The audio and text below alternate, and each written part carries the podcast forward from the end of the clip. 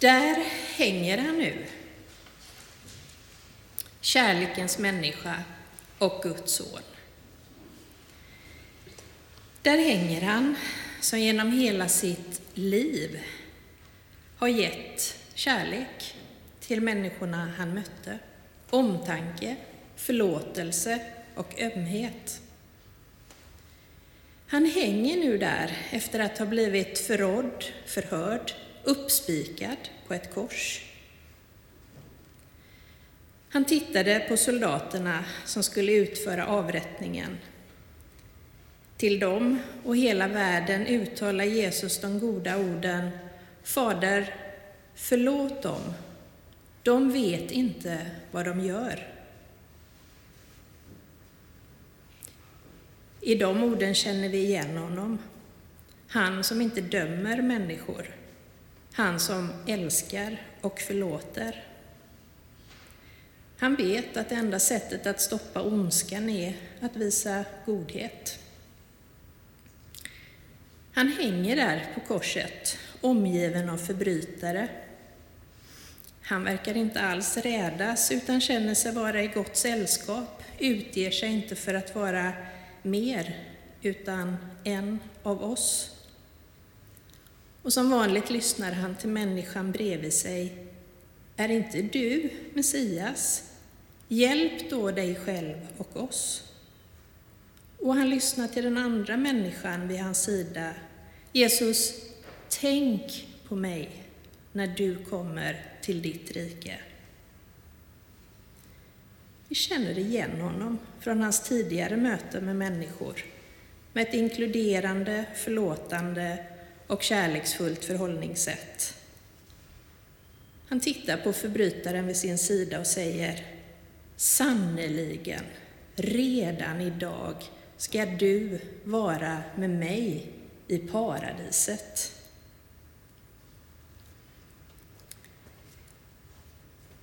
Ni ska nu få ta emot en berättelse.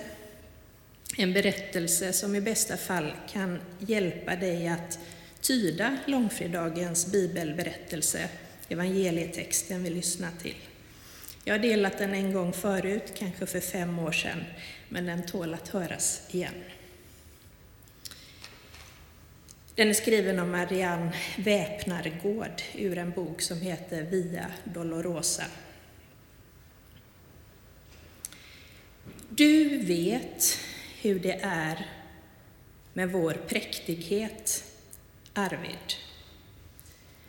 Man talar om gemenskap i kyrkan, säger du. Man talar om en enda stor familj. Inte i kyrkan om familj. Du skakar på huvudet. I den familjen måste man vara lyckad för att komma in. Vi har råkat hamna vid samma bord, du och jag, vid en kaffestund i församlingshemmet.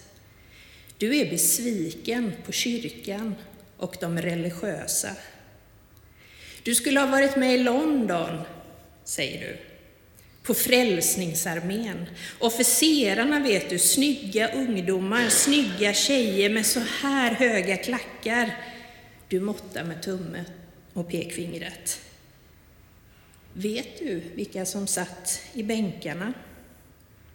Jo, luffare och sådana som jag. Det där med höga klackar tilltalar dig, Arvid. Man har tagit med sig världen in i kyrkan. Det är annat än vår präktighet systerskor med perforerat ovanläder. Nej, Jesus är det enda, säger du. Människor har jag bara blivit besviken på.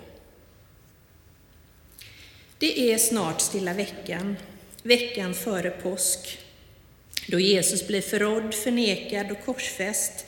Det är jag, Arvid, som förråder honom. Vet du det?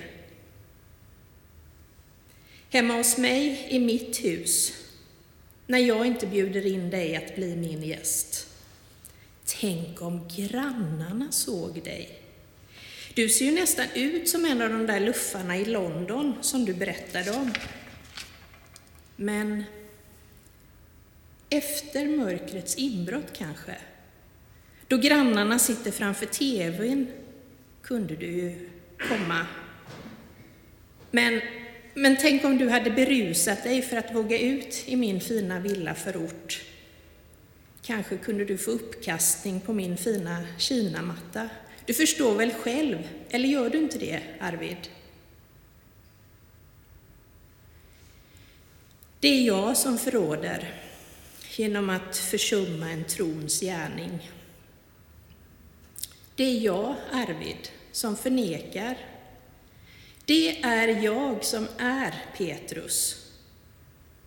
Vad har jag gjort för dig, Arvid, du som är min broder? Här inne i kyrkan sitter jag, sitter vi. Alla ljusen strålar och speglar sig i förgyllningar och mässingskronor.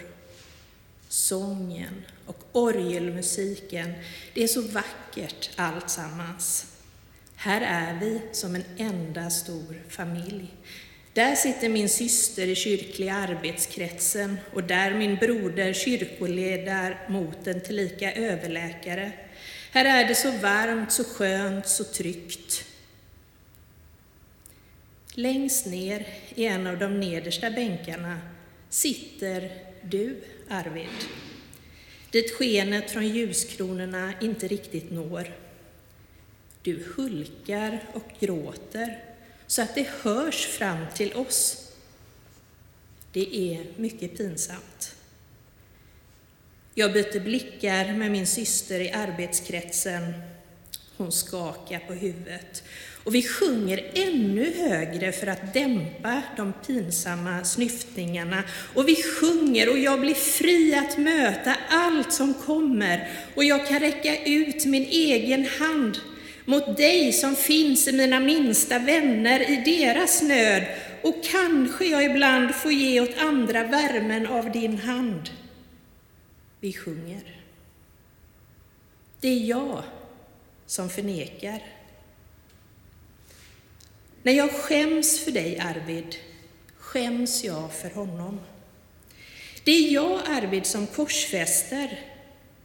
Jag står också där i hopen och ropar till Pilatus, korsfäst honom, det måste ju vara någon ordning att sådana får gå lösa, in med honom bara i fyllecellen, i fängelset, på mentalsjukhuset, korsfäst honom.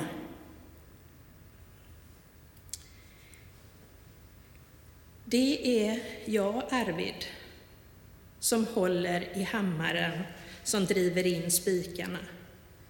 Därför att jag inte ställer upp för dig. Därför att jag låser kyrkan och min mun när jag inte kräver din rätt. När jag inte lånar den stumme min röst, som det står i Ordspråksboken. Det är jag som korsfäster. Det är min hand som sänker en blodig hammare på långfredagens eftermiddag efter väl förrättat värv. Men han ber sin fader om förlåtelse för min skull. Arvid, kan du tänka dig det? Till dig som vår präktighet har hängt där på korset, vid hans sida, säger han, idag Arvid Karlsson ska du vara med mig i paradiset. Nu ser jag plötsligt Arvid. I hans lidandes ljus blir du synlig. Vi skäms en smula då. Jag och min syster i kyrkliga arbetskretsen. Så gör även min broder i kyrkorådet. Vi vet att före morgonen ska du krönas i en krans av påskliljor. Det grämer oss att vi inte såg och kände igen dig förr. Och du, Arvid, du som hade det så svårt med spriten och med oss.